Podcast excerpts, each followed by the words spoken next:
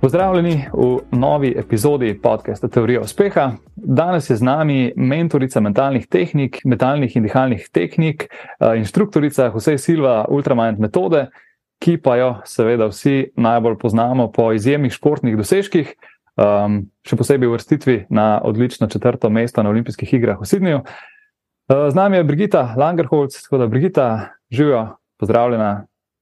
Živijo, lepo zdrav, Matej. Živijo. Uh, evo, malo smo očeta, smo že naredila, preden smo snema začela. Um, Ja, upam, ja. da, nam bo, da, ma, da nam bo tehnika bolj naklonjena tekom snemanja, kot nam je bila pred snemanjem. Dajmo. ja. V lanskem letu si izdala knjigo o sebi, ki sta jo napisala skupaj z Juretom Aleksičem. Um, in tudi neka osrednja nit najne debate bi bila ravno ta zgodba, se pravi, tvoja zgodba, ki jo tudi predstavljaš v knjigi. Um, ampak vseeno bi začel s tem pogovorom, tam, kjer vedno začnem, in sicer, uh, kdo je Brigita in na kakšni misiji je. Ja, um, jaz sem raziskovalka življenja. Se me dobro sliši, ne? super. Um, ena taka velika raziskovalka življenja od začetka moje poti, uh, ki je srečen, se je malo začela v minusu, ni se ravno tako, kot me dosti javnosti pozna, po, včasih še po rezultatih športnih. Ne? Mm. Um, raziskovalka življenja pa zato, ker sem ene prvih začetkov, ko se spomnim, raziskovala, kako um, izboljšati moje zdravje. Sem bila kot otrok dosti bolana. Uh, potem me je ta pot raziskovanja zanesla v šport, potem nadalje me je v vrhunski šport, tako da so bile kar malce stopničke premenne. Uh, danes raziskujem uh, optimizacijo telesa, kako deluje in uma, predvsem pa v zadnjem času frekvence. No. Se pravi, frekvence, um, na, rekla notranja postavitev, nastavitev znotraj nas samih in frekvenčne um, tehnološke mašine, kako se reče, zdravilne zadeve ki se kot gobe po dežju še bolj razvijajo, kot so se včasih, ne rečemo deset let nazaj. In to me vse zanima, ker se mi zdi, da izredno se bo spremenil tudi način zdravljanja ljudi, način delovanja in dela na koncu z energijo ne, ljudi. Mm. Vse to nosimo v sebi. Ja. Mm. Super. Pa da je začeti, oziroma nadaljevati tam, kjer se tvoja zgodba v knjigi začne, um, sicer pri rojstvu. a ne. Uh, v knjigi Mhm. opisuješ, da si po rojstvu precej časa preživela v bolnišnicah. Uh, nam lahko zaupaš, kaj se, je, kaj se je dogajalo s tabo takoj na začetku. Ja, ja, to je bila res ena tako teža zgodba, ker dokler je nisem predelala do konca, um, nisem si upala v njej spregovoriti, oziroma sem mislila, da nikoli ne bom. No. In knjiga je bila res, z Juretom smo se fenomenalno ujela, uh, pisca moje knjige, založbo Kjaro in smo res dali to zgodbo. Lahko bi rekla prvič v javnost, kljub temu, da sem že nekaj let prej govorila v podjetjih, no, ko sem začela in sem videla, kakšni izzivi so bili. V bistvu jaz sem se rodila kot zdrav otrok, potem je šlo po eni od um, gorenskih porodnišnic tisto noč zelo narobi, ker namreč bil je praznik, um, osebe je bilo malo vinjeno, po pričevanjih moje mame. Ne. In je kar dosti otrok tisto noč umrl, uh, pa jaz sem nas okužila z neko bakterijo, vsaj mene. In potem sem preživela prvi 14 dni na infekcijski kliniki, pol se je vse zakompliciralo, sem bila štiri leta več ali manj rečemo teden ali pa dva tedna pri mami v skrbi, potem spet bolnišnica in tako se je nadaljevalo. In praktično jaz sem bila otrok, ker sem zrasla delno v institucijah ne? in temu res sledijo velike posledice. Uh, nekak, na neki notranjosti si zatraumiran. Dosti ljudem, ki so prebrali mojo knjigo, rečejo: O moj bog, Brigita, tvoja zgodba me spolna. Jaz sem tudi en mesec, recimo, preživela v bolnišnici in lahko da je kaj vplivalo, lahko da ni. Svedno rečem, če se je to pojavilo, pej raziskovati. Ne? Ni nujno, da zdaj brskaš, ampak pej raziskovati. Um, in posledica tega je bilo, da sem imela izredno uh, težko obliko astme, ponavljajoče bolezni skozi, uh, dobesedno uničeno črevesje. Pri meni je šlo res antibiotik na antibiotik, potem astmatična zdravila, ki vsi vemo, močni kostikortioidi že v otroški dobi in to vse vpliva na cel uh, genom, bi jaz rekla. ne. Um, tako da sem se do nekje sredine najstniških let obadala z različnimi vneti na koži znotraj telesa, z astmo. Hkrati pa me je nekako okolica v moji rodni škofiloki porivala nežno v šport. Kar so bila moja darila, ne? v bistvu sem hvaležna danes še vedno tem ljudem, ki so me odkrivali. Najprej učitelj telovadbe, potem moj prvi trener, Škofiloki, potem drugi trener na Kranjskem stadionu, Vučko. Tako da, ja, v bistvu sem šla iz zelo zdravega otroka, v neko poprečno športnico do res vrhunskih rezultatov že pri 17 letih, no, v mladinski dobi. In potem je bilo tisto obdobje, ko je vsak starš, ki ima doma športnika, mogoče zdaj le med 15 in 18 let, ko se odločaš, ali boš šel za res v šport, ali boš rajšel mal žurat ga, jaz rečem po domače. Tako da, ja, um, bilo je eno leto odločanja, potem sem se odločila, ja, gremo na polno v šport, um, poiskati sponzorje in tem je moja karijera tako v roku treh, štirih let res uspela. No. Mm -hmm. Se meni so v bistvu dve take stvari zelo presenetile, šokirale. Ne? Kako bi rekel, ko sem bral -hmm. knjigo. Prva je bila zgodba o ugrabljenih, oziroma omenjaš ugrabljene otroke. Ja. Uh, Ta, nisem šel pa iskati dokumentarca, ki ga omenjaš, da je bil nek mm. srpski dokumentarc, ampak tam je. Ja. Pismo mi je neverjetno, da se o tem ne govori, ne, govori. ne ja. ve nič. In, Točno. Uh, ja. To so zadeve, ki mislim, da bo še prišle na plano. No. Mogoče še ni bil tak čas, je bil ta srpski dokumentarc, kot kapljica v morje, zdaj pa kdo bo to videl, prebral, ne, bo začel raziskovati. Ampak se je dogajalo. Jaz sem potem prebrala še cel kup člankov, bilo jih je malo, no, ampak tistih kup, ki jih je nekdo napisal. Um, v 70-ih, 80-ih, jaz mislim, da celo prej se je začela cela veriga um, teh rečem, povezav, visoki politični vrhovi.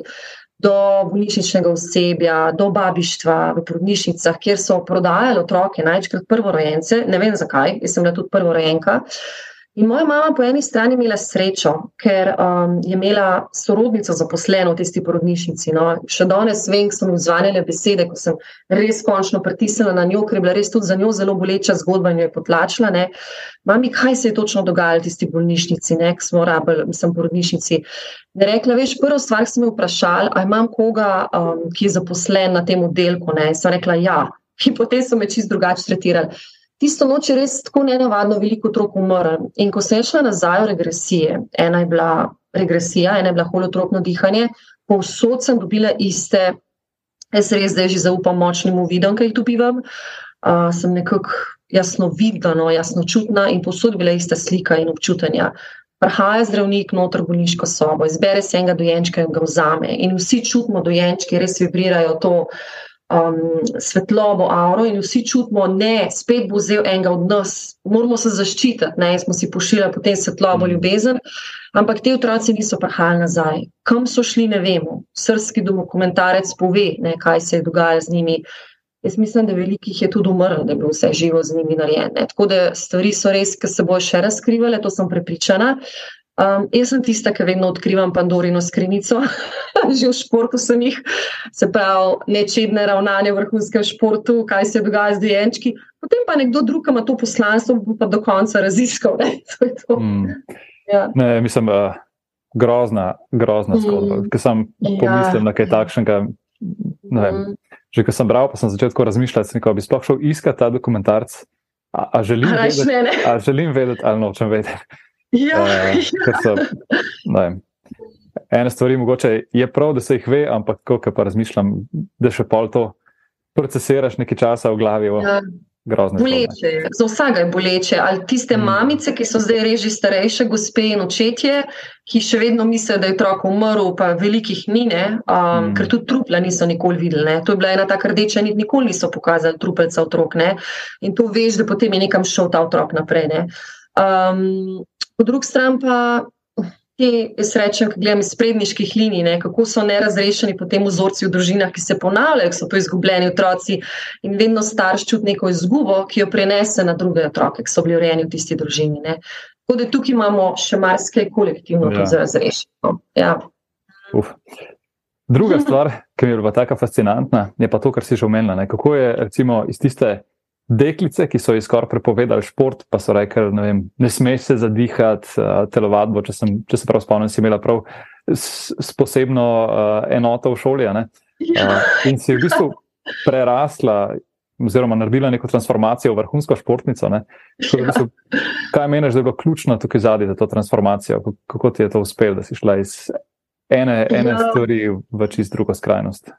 Dobro vprašanje, Mateja. Tudi Jure me je to zelo sprašval, rekel, kako, kako so te strpali v, v telovadbo na drugi lokaciji uh, z otroci s posebnimi potrebami, ki so mi bili fenomenalni otroci. Samo že takrat sem bila zelo rada živ, jaz ne deklica. Um, to je bilo včasih Jugoslavije, ki, kakor si mečken odstopil, um, potem sem dosti zapisal, dobila po tej knjigi, ali si šel v mentalno institucijo ali pa telovaditi z drugimi otroci. pač, tako je bilo, ne? ti greš tja, ti greš tja, ne? pač nisi običajen otrok. Tako da, ja, um, jaz sem jo po mojem še dobro odnesla, ker mama vem, da se je tudi borila, ali me bojo dali v šolo z otroci s posebnimi potrebami, tudi in bi se šolala potem 8 let. Zakaj? Ker sem izredno nazadovala tudi v umskih sposobnostih, ker logično, kje se boš razvil, ker nimaš igre z vrstniki. Ne? Saj mm. štiri leta in nisem imela praktično, ne sem bila v bolnišnicah. Tako da ja, mislim, da je bil to moj notranji tihi glasek, uh, ko danes gledam nazaj, ki me je vedno opozarjal, da mogoče pa okolica nima vse prav, kar mi sporoča. Ne? Uh, pediatri ne vedno, joj, ne smeš telovaditi, moja mamica je naročala. Potem, uh, boh ne daj, da hodiš po bosi travi danes jaz hodim po snegu, bosa, ne? ampak to so vsi ti miti, ki so se res zakorenili v mm. mojo podzavest. In nekje do 23 let, dobesedno do Sidneja na olimpijskih igrah, sem jih jaz počasi, res počasi klesla. Hvala Bogu, s fenomenalno ekipo okrog mene v športnem svetu. No, v tistem času, ki so bili vsi neki entuzijasti, ne, se pravi, rečem, premalo plačani, koliko so obladali zdaj in ki so mi jih dali. Tako da jaz sem zelo vesela, da sem mm. to prešla skupaj z njimi. Vse je zanimivo. Jaz sem pa tudi razmišljal, koliko je recimo, mogoče še danes takih primerov, um, ja, da ti nekdo ja. nekaj reče in te to zaznamuje, in pač dobiš nalepko, ti si takšen in, in to je to. Ne, mogoče, ne samo, da se če otrok dobi, ne samo od, od otroka ni to odvisno, ampak se starši sprijaznimo in rečemo, da moj otrok je pa takšen, da je zdaj delati z njim tako. Ne. In v bistvu ja, včasih ja. vzamemo tisto prvo informacijo za, za sveto in se držimo tega, ampak v bistvu je to tak eh, reprezentativen primer pri tebi, da se ja. lahko stvar čisto obrne v drugo smer. In, in Točno to, ja. Ja. Marino Grevic je včasih rekel, tvoja pot je bila tako že izbrana, z dušnega nivoja. Jaz tako res, meni na začetku res ni izgledala tako. tako da je veliko lastnega dela. Ja. To moram mm. podati za vse ostale otroke in starše. Ja. Mm. Sigurno. Um, vrhunski šport je pa kasneje dejansko predstavljal en tak velik, uh, velik del tvojega življenja. Um, pa verjetno tudi imel velik vpliv na, na to, kakšna oseba si danes, ne glede na to, koliko časa si preživela v, ja. v mm. vrhunskem športu. Um, kaj bi rekla, da ti je nasplošno šport dal kot osebi, kaj, kaj je tisto, kar bi kot tisto glavno stvar izpostavila, da si dobila od športa? Ja, uh, mislim, da sem dobila to determinacijo, da stvari res končam, Um, potem, da um, ta grid, enkrat so delali raziskavo uh, v eni od teh elitnih univerz v Ameriki, kaj določa nekega otroka, da bo potem šel iz navadnega športnika, jaz rečem, smo vsi enaki na začetku, ne vrhunskost. Um, ali pa tudi um, vrhunskega, recimo, glasbenika ne, mm. ali pa znanstvenika. Uh, oni so rekli, da največja determinanta ni okolje, sredstva, ne ekipa, ampak ta notranji grid, da si nekaj zelo, zelo močno želiš in ženeš. In tudi takrat, ko čutiš, da gre vse narobe, da obdržiš to notranji optimizem, jaz temu rečem. Mm. Um, to mi je ogromno dal šport, uh, poleg tega um, sem imela res eno tako danost ali pa srečo, bi eni rekli, ali pa um, močno točko. Res sem znala v pravem času, tudi takrat, ko sem parkrat hotela nehati in vršiti sprinterce v kot, ne, uh, da sem privlačila prave ljudi in vedno so me spodbudili, da sem nadaljevala. Ne. Jaz bi lahko šla študirati veterino ali pa medicino, kar sem si želela. Ne. In sem usmerila moj prvi trener in njegova žena, veliko Jani Škofjeluke, v um, športno gimnazijo. Ne. In enkrat si v športni gimnaziji, imaš čist drug način delovanja, ne mindset in greš res v šport, ker te podpirajo. Um, potem imeli smo vse okoliščine, da je v bližini trening, ne, da se ti ni treba voziti. To je ena taka res plus za enega otroka, ki je športnik, da ne zgubljaš časa na prometu. Uh, starši pač takrat se niso angažirali, saj večini mojih sošolcev ne si mogel vse sam urediti, recimo sredstva, sponzorstva, večino nas, no, redki so bili posamezniki. Tako da ja, donski razmišljajo starši, ja, so večje vsote, ki časi bolj užiti otroka, ampak notranja determinacija. No? Tudi sama, ki delam športniki, vidim uh, takoj, da otrok je notranje motiviran ali je mogoče dost um, starševski vpliv in lahko da se bo zgubil potem ta njegov motiv ali pa ne. To je to. Da, ja, se to mislim, da je tako zelo pogosta stvar, da starši uh, svoje neke sanje probojajo skozi otroka. Ja, tudi. Spraviti naprej in potem grejo otroci ali, vem, v atletiko ali pa v, vem, v karkoli, ali pa glasbo, ali pa nima veze kaj, ampak v bistvu ja, niso ja. sploh za tja, niso prestvari ali pa karkoli. Mhm, Ampak se te mhm. stvari verjetno se slejko prej pokažejo. Ne? Točno, ja. Kaj pa mogoče kakšna taka stvar, ki bi rekla, da ti jo pa je šport v bistvu vzel, da si bila prikrajšana kot športnica? Ja, um, nikoli ne bom rekla, da mi je vzel mladost, ker v bistvu mi jo je dal. Saj, ki greš iz bolnišnice, športne arene, uh, to je cel žurje srečo. Se ti svet odpre. um, vzel mi je na koncu, no, sem ugotavljala to. Um, Se pravi, zelo sem se borila zadnjih par let, no se prej nisem posvečala temu pozornost. Um, avtentična jaz, kje sem sebe izgubila v tem športu, um, ker me je začelo bremeniti vsa ta, ne rečem, neetične, sprejete norme v vrhunskem športu, no, ki so vsakmu, se ni samo atletki. Ne. Kje jaz upam, da nekega dne se bo to mal prečistil, končal, lahko pa tudi, da sem zelo optimistična, ne, da sem ena redkih. Um, in to me je zelo začelo zajedati no, znotraj. In se rekla, nisem vstopila s tem namenom v šport. Meni bo šport vedno igra, zabava, um, možnosti, ki ti jih nudi. Ne. Na zadnjem mestu mi je bilo uh, moč, slava, recimo, na kateri grejo tudi s tem namenom in sredstva, ki jih pridobiš. Um, meni je vrednost na lestvici čist druga, recimo zdravje mi je bil in še prioriteta.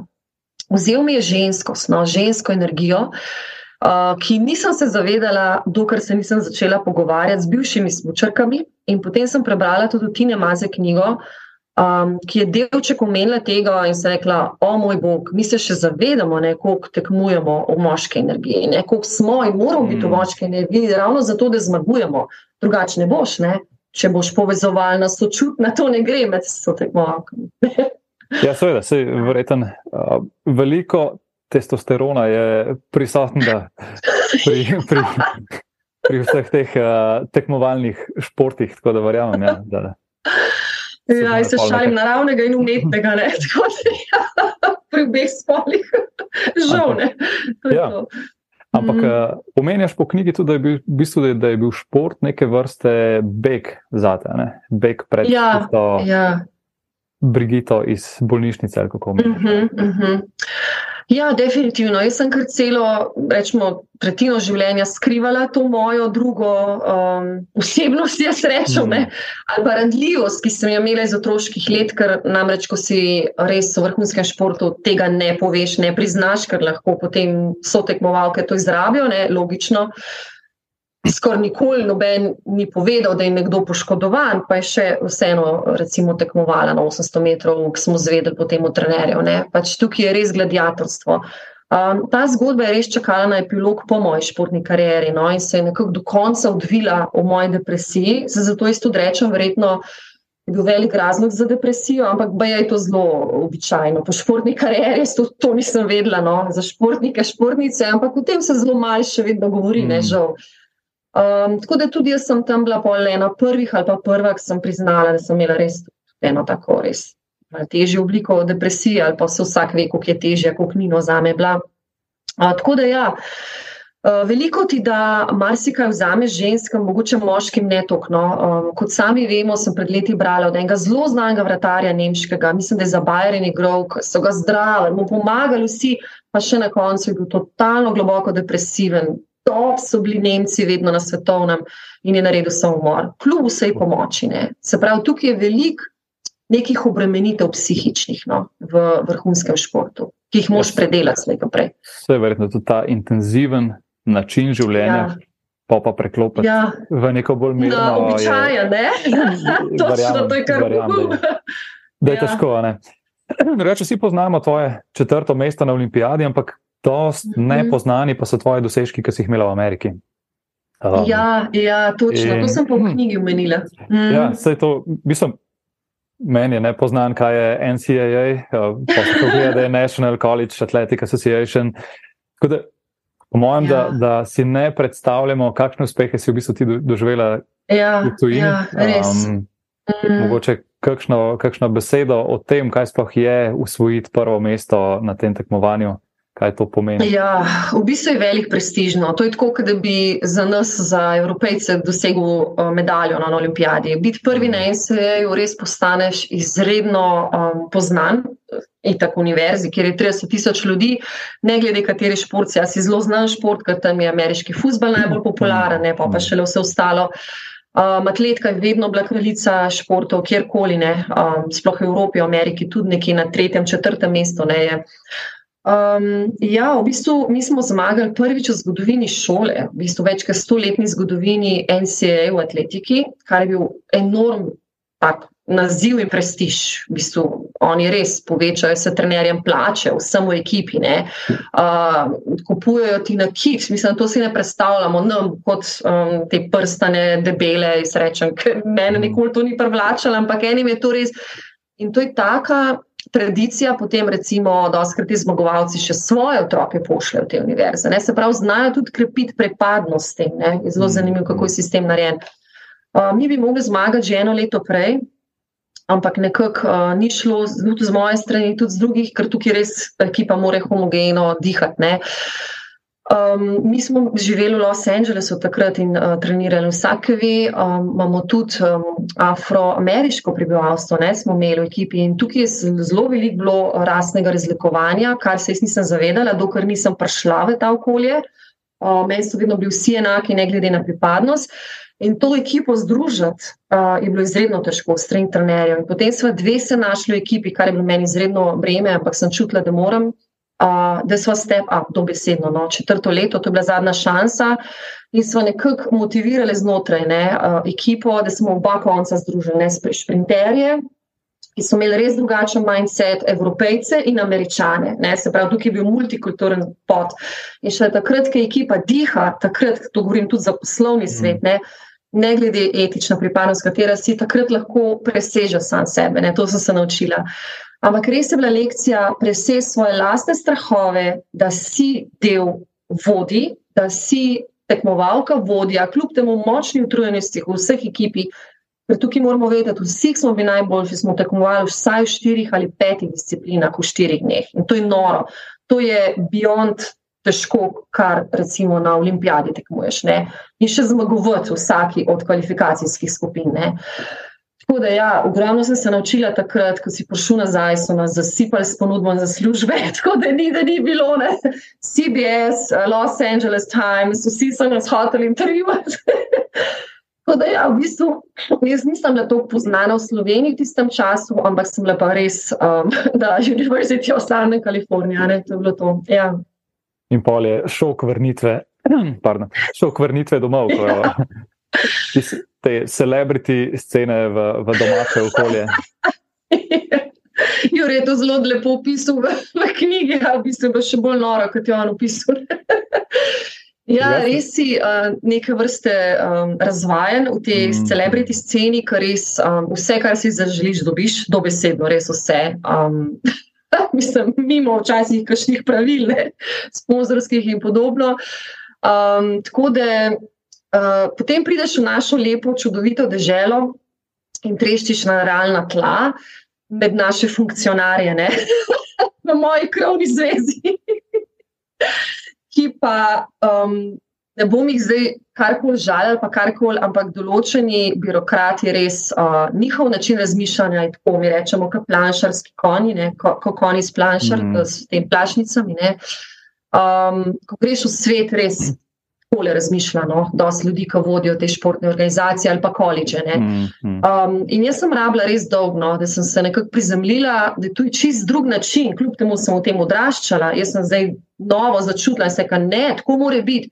Ne, ni šlo. Um, tako da neki sprememb smo uspeli narediti v krovni organizaciji, ne jaz edina, ampak s parimi puncami fanti, ki smo res naleteli na velike izzive, no, tudi z, z tožbami smo šli in podobno da so delček spremenili, da mi nismo njihovi sužni, ampak smo tu, da skupaj dihamo in kreiramo rezultate. No? Vsaj, ko smo se na začetku počutili, tekmovalci. Tudi se je ogromno takrat spremenili, vedno na boljši gre. In sem tudi jaz vesela, da je mečken delček mozaika, no, sem prispevala. No. Si, si pobudnica sprememb. ja, ena od mnogih, no, takrat bila. Ja. Ampak nekdo se mora javiti, svedno rečem. Ja. ja. Drugače me pa fasciniralo, pa sem tudi mogoče malo tako sporednice. Pol, uh, prvo potegnem z Matajo svet, ki je ravno se upadal. Uh. V tistem mhm. času, ko sem bral tvojo knjigo, je mislim, da tudi bilo objavljeno, da je ona predstavila svoje um, pokale, medalje in tako naprej v muzej. Uh, v tvoji knjigi pa ravno tako opisuješ, nek del knjige opisuje, kako je tvoji največji dosežki so pač nekje uh, postavljeni, malo zaprašeni, nekaj v tem smislu je, je bilo predstavljeno. In je tako tak občutek, da dobiš neka nepomembna stvar nekje na policiji, ni, ni da je nekaj zdaj. In jaz sem zmeraj mislil, da športniki toliko truda vloži, ne vem, to so neke življenjske ja. sanje, pa je pa tista medalja sveta ali pa tisti pokal svet. Ne? Ampak v bistvu ja, ja. verjetno res ta navezanost na nek, neko materialni, materialni mm. splen iz tekmovanj enkrat mine, verjetno. Ne? Uh, ja. mm. Kako je bilo v tvojem primeru? To, um, moraš to prerast, da, da to veš, prekineš s tem, ali, ali je to pač tako normalno, da to je aktualno, takrat, ko dobiš, pokažeš, pa pa, pa, pa pač mm. tisto, kar ti v spominu ostane. Ja. ja, je to to. Ja, predvsem so to, kar ti v spominu ostane, so dogodivščine. Jaz mm. rečem, ponovadi največkrat lepe ostanejo, ne iz sveta športa. Um, res lepe dogodivščine. Uh, veliko uh, zabave, srečam, mislim, tako zabave, tudi pri res težkih tekmah, ampak vedno je bilo okolica zabave, ne, da si se razbremenil, tako da je bilo fajn, um, mislim, vragulije in vse, mislim, pod zabave, ne smo jih delali. um, ja, v bistvu meni je šlo predvsem za spremembo identitete. No. Ampak ne toliko z tega vidika, ne vem kako z ostalimi športniki, ampak predvsem, da sem končno povedal to zgodbo mene v bolnišnicah, ker mi je nekako tako težila v zadju, kot en samo klejo meče bila nad mano. Uh, um, kot da nek del prikrivam sebe pred javnostjo in se kažem čisto v drugi luči, ne z tega vidika je šlo. Um, predvsem zato, ker smo se dosti selili. No. To je bilo čisto logističen problem in še danes nismo v nekem bivališču, da bi rekla, da to bo zadnji moj bivališče, ne saj v Sloveniji. Um, vitrine nimam, sem hodila do drugih bivših športnic, atletih, so bili izredno uspešne, nekatere imajo, nekatere ne, ker se tudi celijo mhm. dosne. Um, moram pa povedati, da tudi otroke so vzgajale v tem duhu. No, Imamo tri deklice, da recimo do petega leta niso vedle, uh, da sem tekmovala, ker tudi takrat nisem nikjer imela niti slik tekmovalnih, pa so bili nekje v albumih, so še čakali, da se uredijo. Uh, pišejo se drugače, niso vedele za Langerholz primek, ne šele v vrtu so jih v tem v bistvu. Um, Ko sem prišla enkrat predstavljati z Olimpijskim komitejem Olimpijske urice, uh, uh, so začudeno gledali, zakaj me predstavijo z drugim prijimkom. Tako da, ja, um, šla sem čisto pot, ki sem jo predvsem jaz predlagala, no, um, tudi možno, ker sem videla v Ameriki, kako so um, fanti, predvsem tudi moji trenerji. Očete so imeli zelo slavne ameriški nogometne uh, igralce. Uh, Oni niso bili tako dobri in so nek del preživeli v neki globoki travmi. No? Tako sem jih čutila. Se pravi, niso izživeli tistih svojih sanj, niso vedeli, kdo so. Uh, itd. In, in mm. tem, kljub temu, da to je res drug rang, koliko si tam znan ali pa pri nas, ne, to sploh ni pomemben. Ampak sem si rekla, ne, otrok ima svojo pot, ne nosi svoj priimek, neobremenjen, kar smo starši delali in to je to. Ja. Mm. Kdaj pa je v bistvu začela na plan prihajati ta, recimo, temu nova Brigita, uh, če, če primerjamo tisto tekmovalno, ja. uh, v mhm. narekovajih, staro Brigito, um, s to novo, ki je bolj poduhovljena, umirjena, kot koli. Uh, kdaj se je pa začelo to dogajati, kdaj je ta resno nova Brigita začela prihajati na plano? Ja, jaz mislim, da je bil kar proces, no, ko se je začela depresija, pa pol tisti srečen, ki greš v svojo temo, pa razrešuješ te sence, mm. pa vzorce iz otroštva, pač travme iz bolnišnic in podobno. Uh, Um, osem let je trajalo, tako nekako, um, da sem nastavila, predvsem, jaz rečem, foundations, ne, se pravi, te pilarje za vse, za sebe, za odnose, za vse.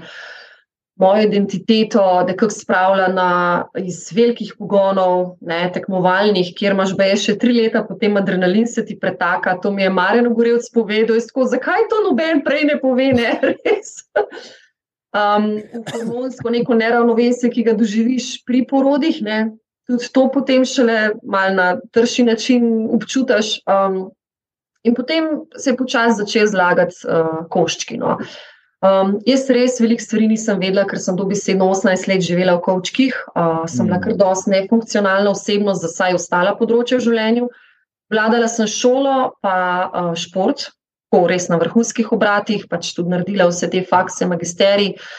Um, drugo pa nisem obladala, res ne od kuharije, ne vzgoje otrok, ne kako kreirati globoke, uh, ljubeče odnose, to je bilo meni, planet Mars.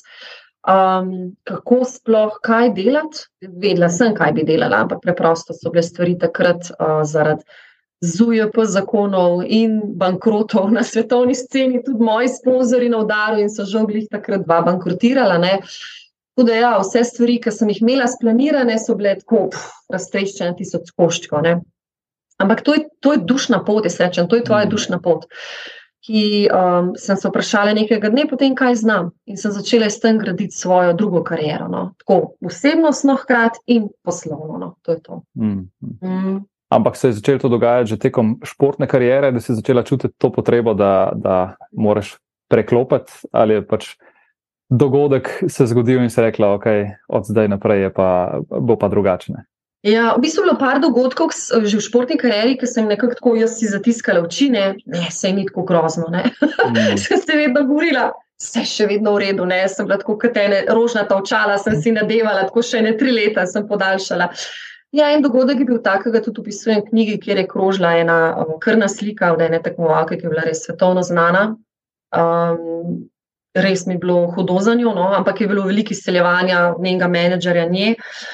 Uh, čeprav karakterno je bila res ona zelo uh, naporna, ampak kot oseba v sebi mi je bilo hudo uh, in sem čutila, da je tega večno, da ni ona edini primer, pa slučajno sem sedela zraven Mogoče pa tudi vesolje tako želel, mož biti tam, da vidiš, ne, na lisi mm, čistega mm. vina. Uh, potem je bilo še cel kup enih zadev, tudi z vezami, um, ne samo jaz, tudi ostale smo imeli, ampak mene je to začelo vedno bolj motiti. No. Ne, ne podaljšanje pogodbe, um, neredno plačevanje sredstev. Tako da rečeš, da je čas za odhod, vse se zapira. Uh, Uh, moram reči, da sem vedno imela izredno dobre odnose s uh, našimi, mojimi osebnimi sponzorji, fenomenalne in s tujimi opremljevalcem Nike in s tujimi menedžerji, res fair, kar se pa tiče tiča krovne zveze, pa ne samo jaz, tudi dosti ostalih, izredno, izredno izziv uh, pri kakršnih koli pogodbah. No. Tako da tukaj jaz mislim, da bo treba še malo napredovati v tej smeri. Um, bil je čas potem, okrog leta 2006, že prvi, ko mi je umrl trener, ko bi lahko odnehala, ne, ki je bil moj. Mm. Moj in tudi z ostalih varovank, nek vrste oče, ki je vse vedel o nas in uh, nas poučeval, poleg atletike, še ostala znanja, ne, med drugim je naučil tudi vizualizacije, avtogenega treninga, uh, osnove dihanja, ki sem jih nadgradila potem z jogo. Jaz sem jogo res delala tako, enkrat en, saj tudi če sem bila čisto utrujena in mi je res pomagala pri vseh preventivi pred poškodbami. Um, tako da, ja, to je bil čas odhoda prvi, uh, potem pa dve leti kasneje sem dosegla drugi uspeh, uh, oziroma eno leto 2007, ko sem spet tekla osebni rekord po ne vem koliko letih ne, v Osaki na svetovnem prvenstvu in bila samo peta žal, čeprav sem bila pripravljena za medaljo, ampak preprosto ni se šlo ti zvečer, so bile tudi ostale izredno dobro pripravljene. Ne.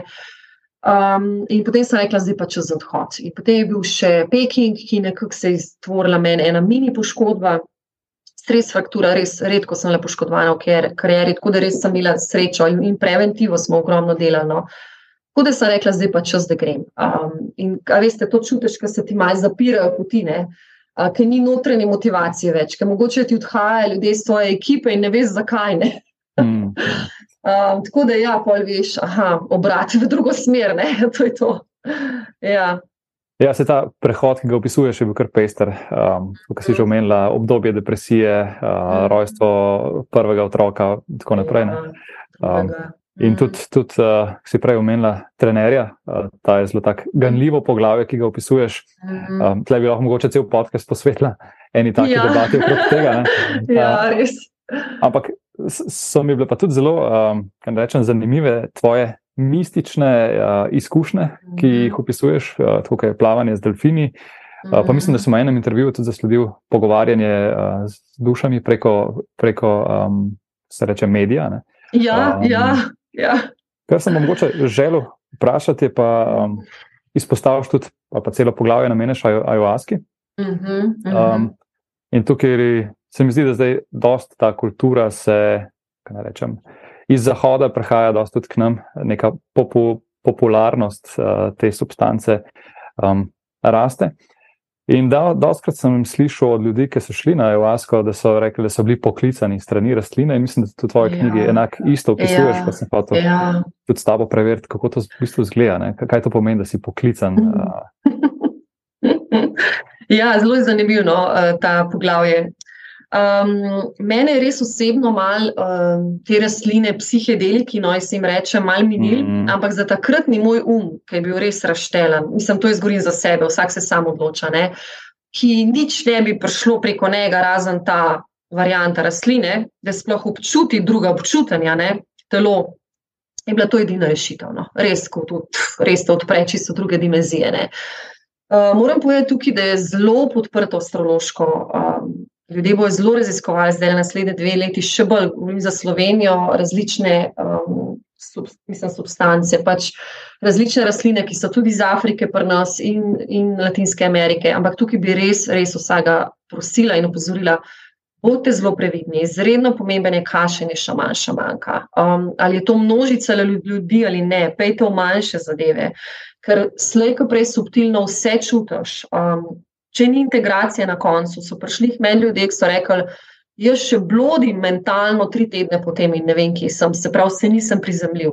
Tako da je tukaj lahko tudi do škode narejen in moraš biti, um, moraš res preveriti stvari. Eno, edino knjigo, ki bi priporočala za brati, je Čas je zdaj, od Erike Oblak, ki je živela deset let, ona nov, pri res enemu znanemu šamanu. Um, in ona opisuje to izkušnjo učenja, sploh. In danes so že vse živo oklicani šamani, sploh ne tako, kot bi mm, mogli biti. Ne. Mm. Tako da pokličete pa na ta način. Uh, jaz sem se pripravila tri leta, ker sem imela izreden odpor do kakršnih koli, ne samo zdravil, tudi um, teh halucinogenih zadev. Uh, kaj šele začetke trave, to rastlino, jo vas, vse, kar ste vi nori, bohi, kam me bo odnesel. Ne? Moj telo sploh ne vem, če je za to, ker sem bila že tako, ko mi prišla iz unih kosti krtoidov, ne tam v najstniški leti ven, zdaj pa krtole, ne, po tokih letih.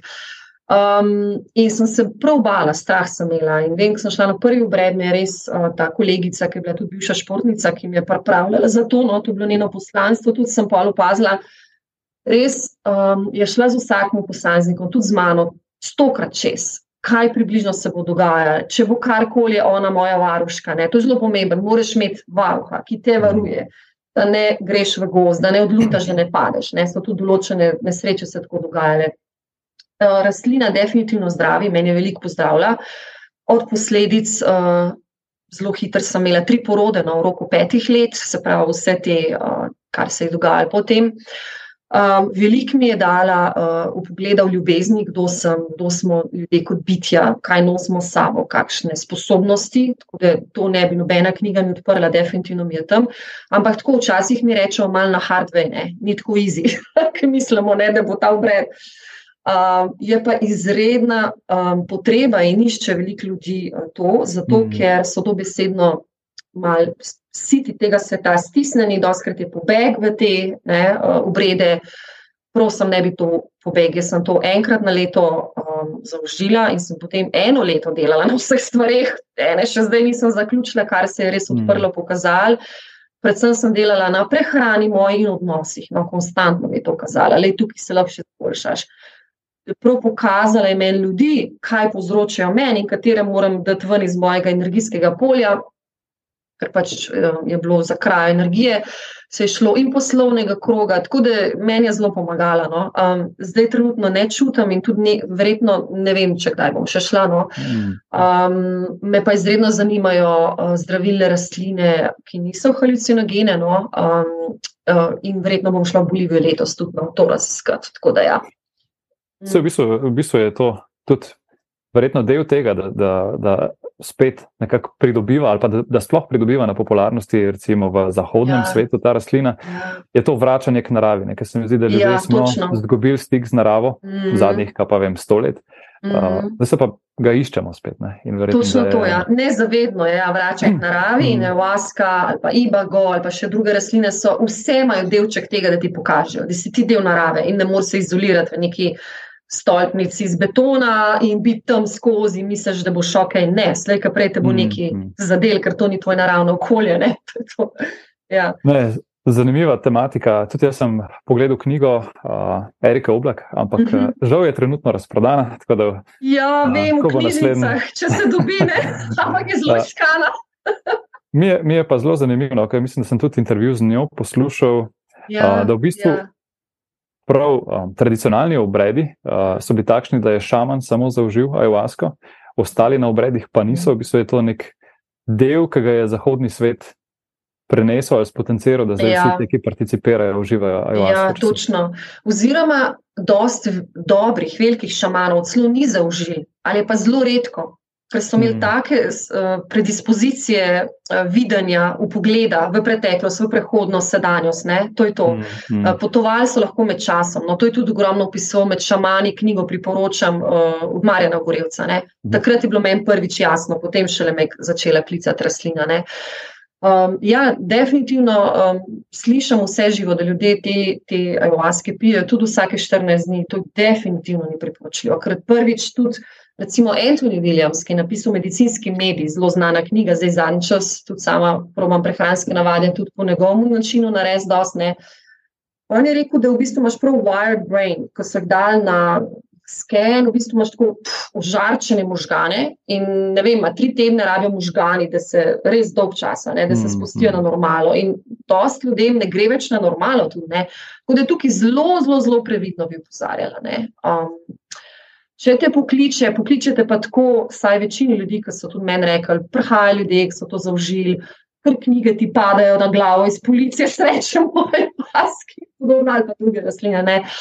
Um, res previdno. No, jaz bi vsakmu rekla, da je raj ne kot ja, kljub temu, da sem sama mogla čez to izkušnjo, ampak jaz sem res ne, ne, ne mm. reprezentativen primer, ker sem na glavo včasih, ne preveč, zdaj to ne delam več. Um, raj rečem, pejte kakšne. Um, prakse, ki so manj invazivne, no? ki se tudi da pride do pogleda, no? karkoli mm, začute, mm. tako da se tudi to da. Ja. Ne, super.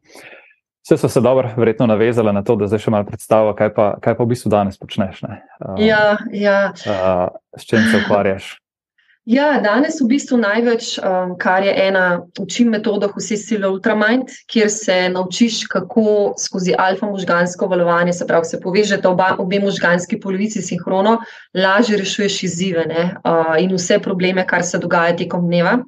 Kar nas žal niso učili v šoli, večinoma so nam predstavljali zadeve skozi levo možgansko polovico, nam gre informacije ne, tekom dneva. Hmm. Uh, naučim ljudi tudi sproščati um, neke vrste, da si vzamejo to kot lastno prakso, lahko potem sami prakticirajo na kakršen koli način želijo, ker tudi sama sem to imela že od najstniških let, ko so me prvič naučili kot en tempelj v ponorelem gladiatorskem svetu, ki sem se lahko umaknila na vase ne, in začela um, probleme reševati na bistveno lahkotnejši način. Ne. V bistvu se naučiš tukaj tudi vizualizacijo, uh, sken telesa, anatomije, uh, za neke vrste zdravljenja, tiske želi, uh, s katero je na koncu res zaslovel, ko si Silva na meni bil, pa samo boljše ocene imeti pri svojih otrocih, ne s to metodo. Tako da, ja, marsikaj se da. Potem ogromno, zdaj le res, um, prav res vsak dan dobim par mailov po svetlovnem jeziku um, aktivaciji srečam. Ne bom rekla terapije, jaz se nikoli ne vključim za noč, nisem ne terapeutka, ne zdravilka, karkoli, ampak sem pa res prenašalka izvornih kod, kar dolgo nisem vedela. No. Uh, v bistvu sem se učila.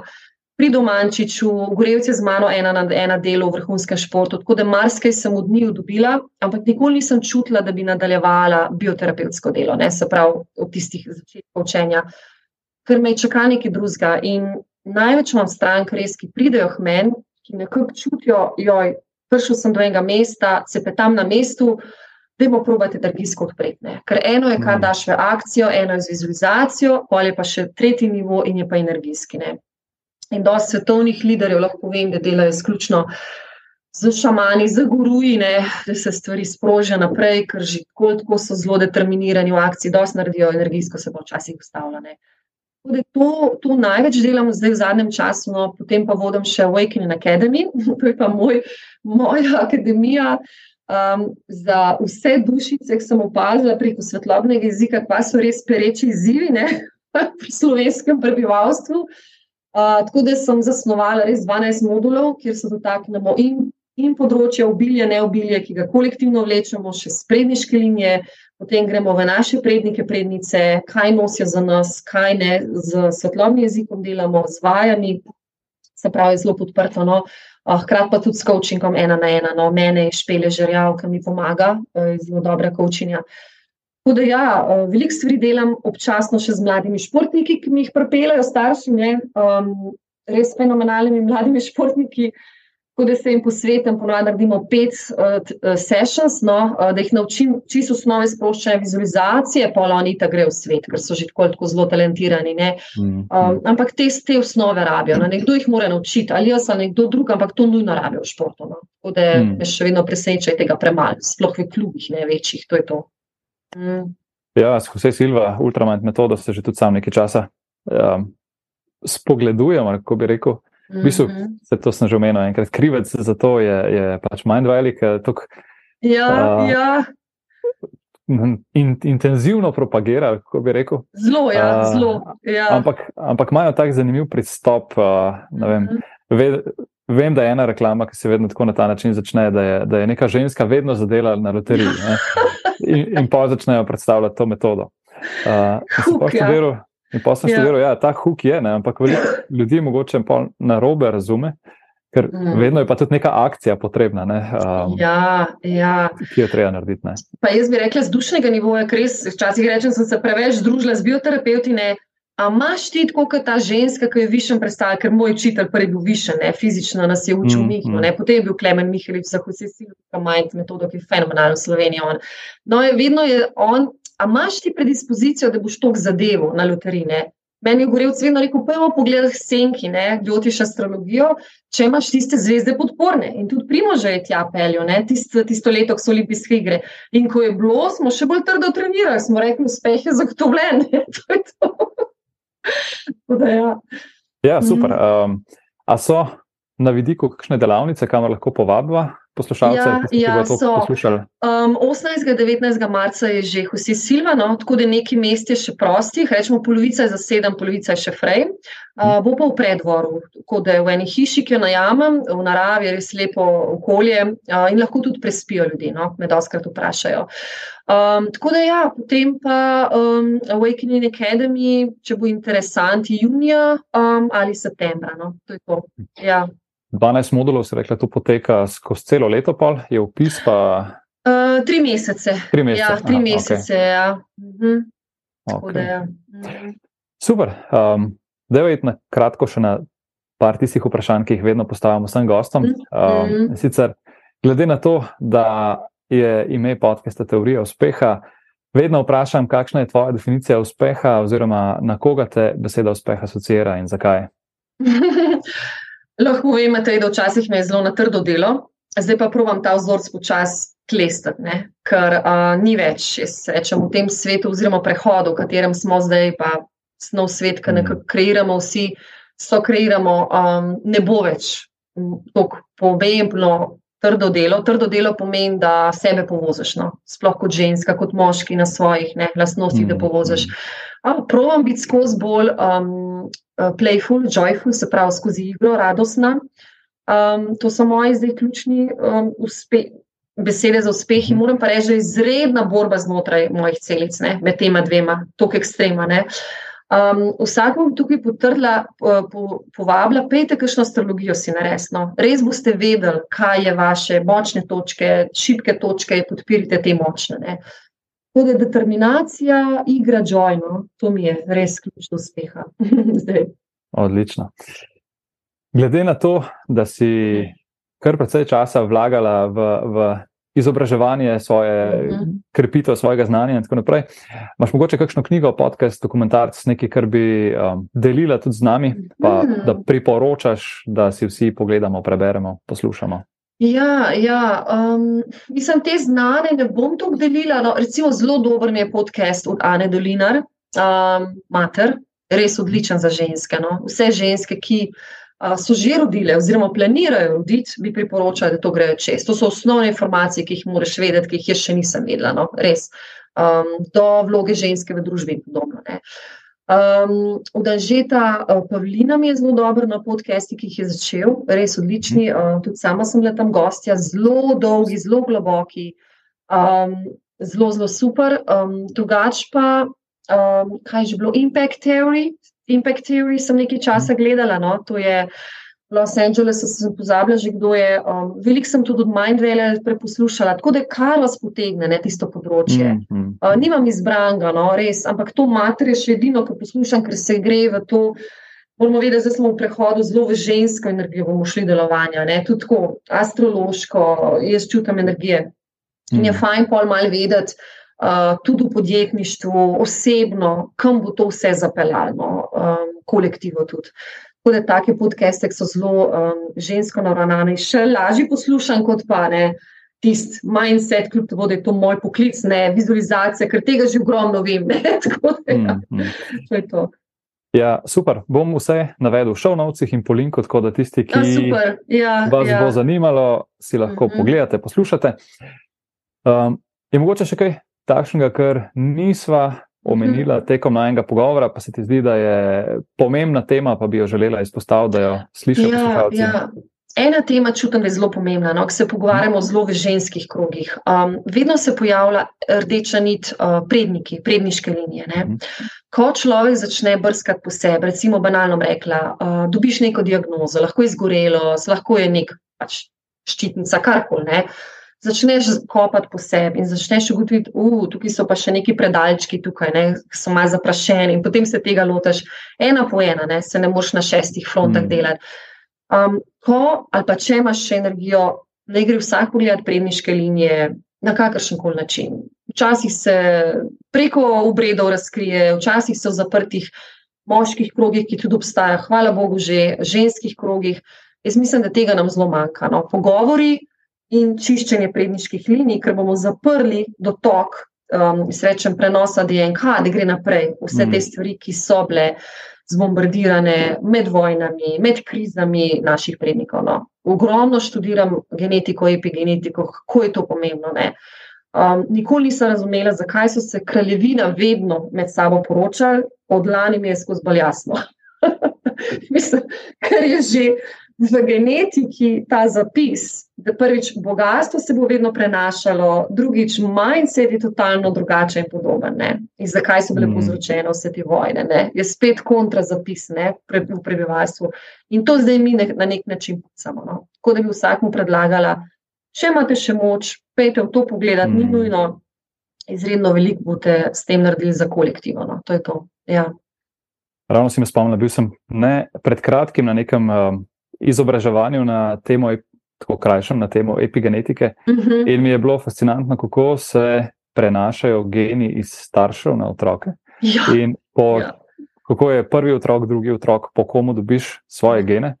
In pa mogoče to, to mi je bilo še nekako tako razumljivo, ampak nisem pa niti pomislil, da, da v primeru, um, da mati ali pa karkoli ženska doživi splav, ne, je v bistvu že tisti kot prvi otrok in so recimo geni tistega, ki bi bil prvi. Um, ja. Uporabljeni in recimo tisti, ki se dejansko ja. prvi rodi, je dobil že, že tisto drugo vrsto genov. Ne? Tako da mi je bilo tako ja.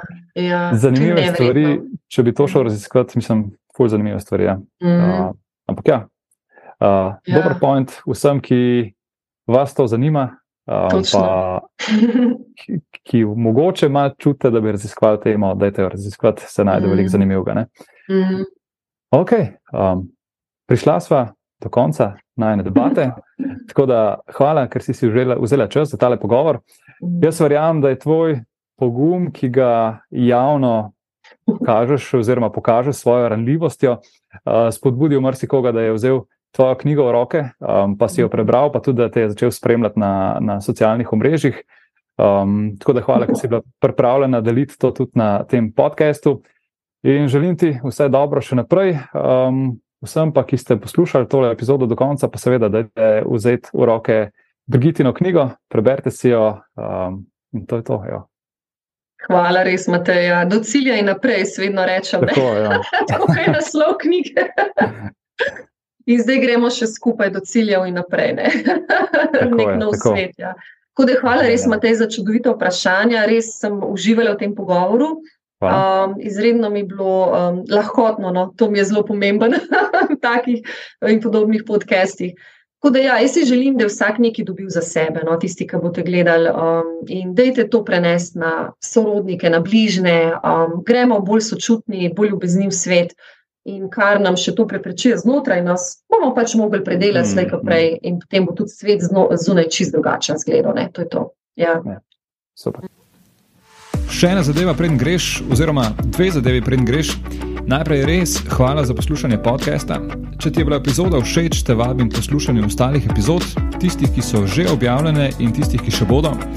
Hkrati pa te prosim, da na svoji podcast platformi podaš oceno oziroma postiš komentar ali pa mogoče še več, da deliš podcast s svojimi prijatelji oziroma osebami, za katere meniš, da bi jih utegnil zanimati. In mi tako pomagaš pri širjenju prepoznavnosti podcasta. Še enkrat hvala in se slišimo v prihodnji epizodi.